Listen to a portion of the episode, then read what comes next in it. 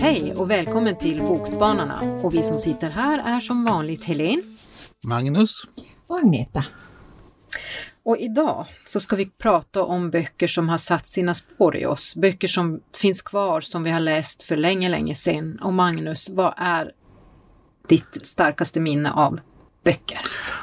Det är en sån där fråga jag aldrig kan svara på. Jag kan kanske berätta om ett starkt minne. Och det är naturligtvis Kriktor av Timmy Ungerer. Och den är ännu tydligare på engelska för då heter den Crictor of Boa Constrictor. Det handlar då om en äldre kvinna som har en bror som är upptäcktsresande i Afrika. Och en dag så får hon ett paket som ser ut som, ja man har slagit in ett bildäck ungefär. Det är runt och så ett hål i mitten. Och i den så finns det en boa constrictor som lämpligtvis heter Kriktor. Och först är hon ju jätterädd för den. Men det visar sig att den är ganska användbar. Den kan skrämma bort eh, inbrottstjuvar. Eh, den kan hjälpa till att plocka ner drakar från tak. Alltså sådana här pappersdrakar med en liten eh, svans på. Eh, den kan hjälpa flickorna när de vill hoppa rep. Det finns en helt underbar teckning i boken där de håller i boaormen i varsin ände och så snurrar de runt på den. Och så ser den alldeles illamående ut. Men framförallt så kan den hjälpa barnen att läsa genom att den kan forma olika bokstäver. Just. Så fiffigt. Jag kommer Så- faktiskt ihåg den boken. Ja, Jag också. Fina teckningar i den. det är underbara teckningar och Och vem var det som hade översatt den? ja, det måste vi säga. Kulturgärningarnas drottning själv, Astrid, Lindgren. Ja. Häftigt. Så hon har verkligen liksom format eh, svenskt barnboks 50-tal. Alltså dels med det hon har skrivit själv, dels med de svenska författare som hon hjälpte fram, men också med översättningar. Jag har också ett starkt minne från min barndom och det var när jag låg sjuk. Jag vet inte om det var en, det var en ja, någon form av de här asiaten som man kallar dem. Om det var Hongkong eller vad det var och jag var jättedålig och så kommer min mamma hem och har köpt Kulla-Gulla av Marta Sandvall Bergström och den satt ett stort eh, minne i mig. För det var ju så synd om denna Kulla-Gulla. Hon var ju fattig och föräldralös. Det här utspelar sig i början på 1900-talet. Och bodde ju då hos torparen Karlberg och som torpare var man ju tvungen att göra dagsverke hos, på herrgården hos patron och då fick Kulla-Gulla ta hand om hushållet och djuren fast hon var så liten och tunn. Och eh, hon bodde tror jag hos de här torparna från det hon var sju år till hon var 20 någonting. Och hon hade otroligt rättspatos som stod upp för dem som hade det svårt och fast hon själv hade det svårt. Men det slutar ju naturligtvis bra efter en massa böcker i den serien, men det är en sån där bok som jag fortfarande kan komma ihåg. Har du läst den som vuxen? Nej, jag funderar faktiskt på nu när vi börjar prata om det här att det, jag tror jag måste göra det som, om jag tycker att den håller. Mm. Men samtidigt så är man lite rädd att man förstör det där minnet. Så tänk om jag läser den så tänker jag, men gud, det här var då inte något bra. Men den går ju än. Flickorna lånar den än. Eller framförallt flickor tror jag. Jag tror man ska vara lite försiktig. Alltså trots allt så kanske man inte uppskattar riktigt samma saker 30 år senare. Åh, vad snäll du är 30 år senare. Det här är nog nästan, nästan över 40 år senare, men i alla fall. Hur är det med dig Agneta? Har du ja, något alltså jag har ju, det är ju så många, men egentligen så den bok som jag återkommer till ständigt ända sedan jag läste den första gången 1992, det är ju Främlingen av Diana Gabaldon. Och eh, den utspelar ju sig till största delen i Skottland dit Claire Randall och hennes man eh, reser för att lära känna varandra efter, efter att ha varit åtskilda åt, under andra världskriget. Och de vill väldigt gärna skaffa barn och de vill ja, men börja ett, ett gemensamt liv. Och de hyr då ett rum hos fru Baird på hennes pensionat och det visar sig att det är väldigt, väldigt lyhört där så att de får ta det lite försiktigt i den äktenskapliga sängen så att inte Mrs Baird blir mer upprörd än, än vad hon ger sken av att vara. Och det lustiga när jag hittade den här boken, jag var en lunch på gamla Luleå stadsbibliotek och strövade bland hyllorna som vanligt som jag brukade och eh, den här boken stack ut, alltså den, den var liksom ut eh, Ja, den stack ut, inte stack ut för att den såg ut på ett speciellt sätt utan den var alltså utanför hyllan, utanför den fina hyllraden annars. Och den stod dessutom på fel ställe så jag tog ut den och började titta på den. Jag läser aldrig på baksidan, det ska jag säga, utan jag började läsa kapitel 1 som heter En ny start.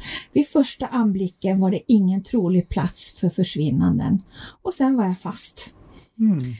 Den handlar ju alltså då om, framförallt om Claire som är sjuksköterska och hon har ju vuxit upp hos sin gamla farbror Lamb efter det att hennes föräldrar omkom, omkom i en bilolycka när hon var liten.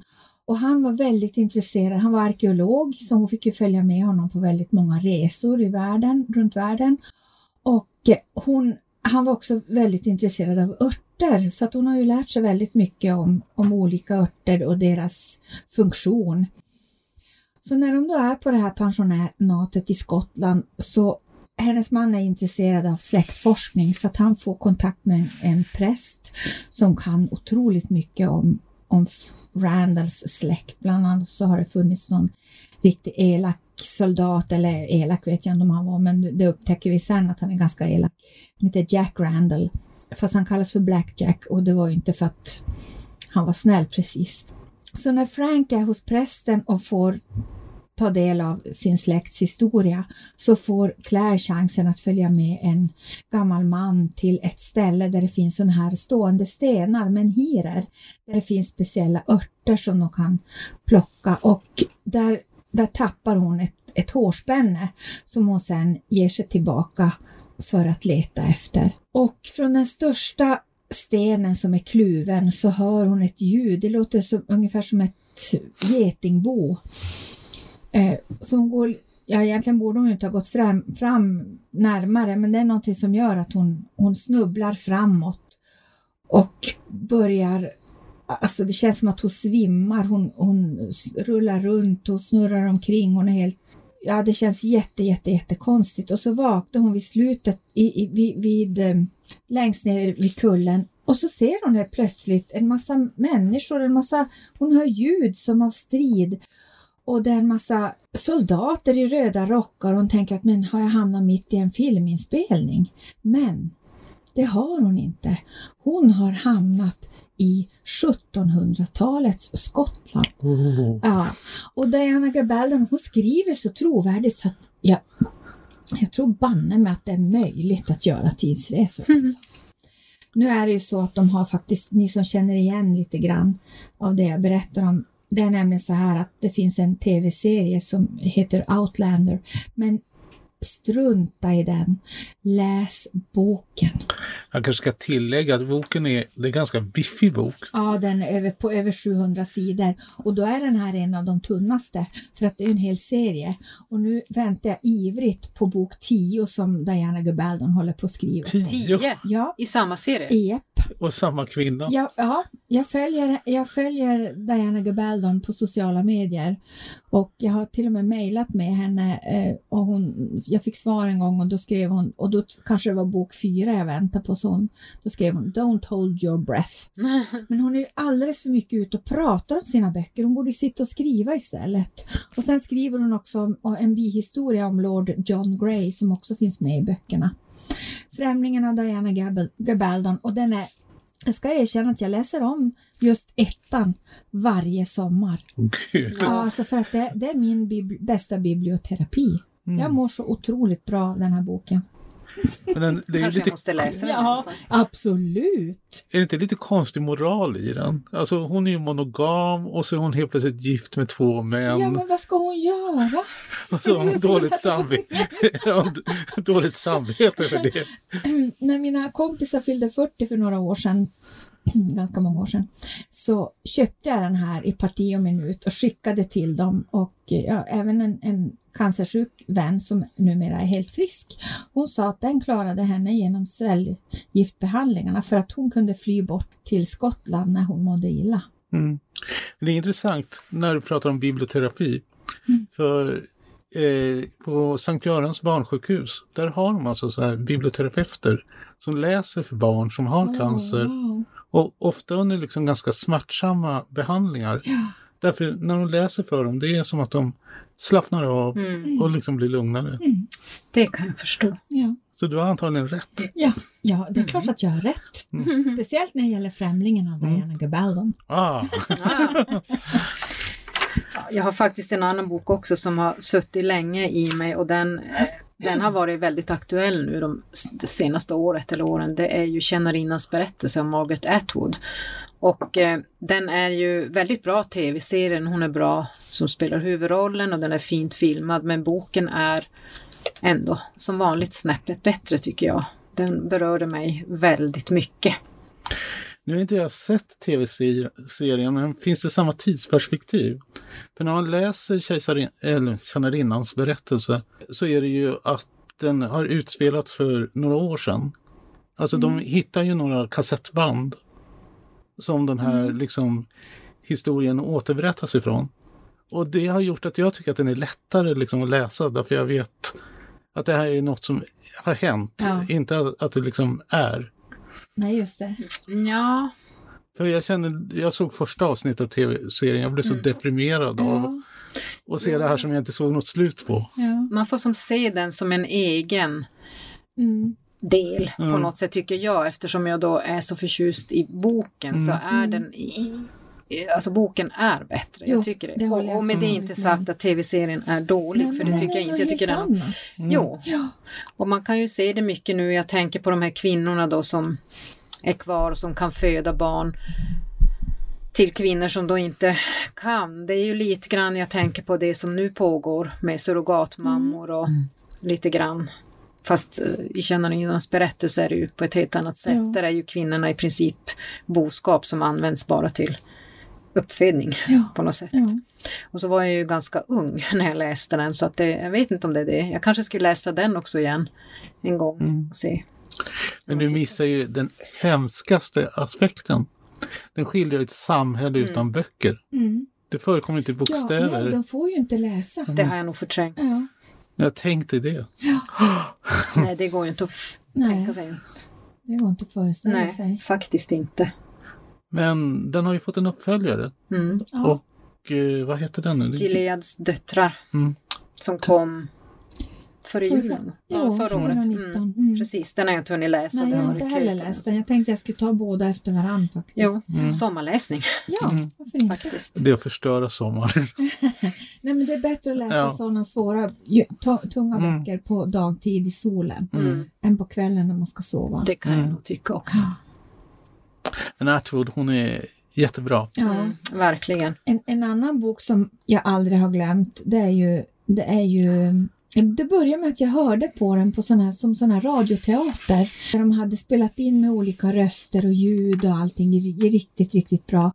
Det är eh, Godnatt Mr Tom av Michel Magorian. Oh, ja, och den utspelar sig, det har, tillbaka till andra världskriget, det här är under andra världskriget när barn i England blir alltså barn från London framför allt, blir placerade på landsbygden. Och eh, den handlar om åttaårige William då som får flytta in hos Tom och Tom är ju en, en äldre man som är något av en enstöring, lite, lite butter, lite barsk sådär. Och William är ju, han är mager och han är smutsig och han har trasiga kläder och han ser ut som en riktig rännstensunge men han har ju bott med sin mamma.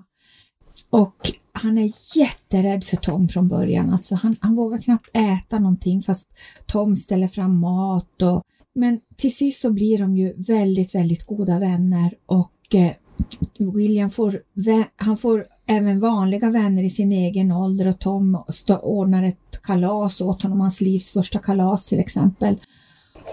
De utvecklar en fantastisk vänskap, väldigt speciell men fantastisk vänskap.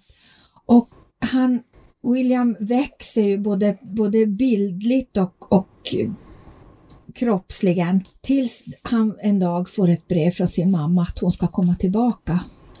Och eh, han och Tom bestämmer sig för att de ska hålla kontakten. Men tiden går och Tom hör inte ett ljud från William så han bestämmer sig för att åka till London och söka upp honom. Ja, den, den är så stark och jag, alltså det är varning för tårar. För Mycket att, tårar kan jag ja, säga. Mm. Åh vad jag grinar ja, när Den är fantastisk. Och det är, den står ju på, på ungdomsavdelningen men det här kan, det är en allåldersbok. Absolut. Absolut. Och en perfekt högläsningsbok tänker jag för ja, men från årskurs 6 och uppåt. Mm. Mm. Oerhört bra. Ja. Ja, jag skulle på något sätt vilja trycka in Maria Gripe mm. i det här. Men hon har skrivit så mycket saker. Men kanske pappa Pellerins dotter. Som handlar om en eh, tjej som, jag tror hon är föräldralös. Jag kommer inte ihåg det, men hon bor i alla fall ensam i ett hus. Och hamnar på ett barnhem. Kanske inte träffar allt för lämpliga förebilder. Men nu skulle jag vilja berätta ännu mer om den, men det har jag faktiskt glömt så jag måste läsa den igen. så kan det vara. Så kan det vara. Eh, hörni, vi kanske avslutar för idag och mm. då ska vi berätta om böckerna som har gett oss starka minnen och för mig var det ju då Sandvall Bergströms Kulla-Gulla och Margaret Atwoods Tjänarinnans berättelse och Magnus. För mig var det eh, Kriktor av Timmy Angerer och eh, Maria Gripe, pappa Fellerins dotter. Ja, för mig så var det då Främlingen av Diana Gabaldon och Godnatt Mr Tom av Michelle Magorian. Tack för att ni lyssnade och på återhörande.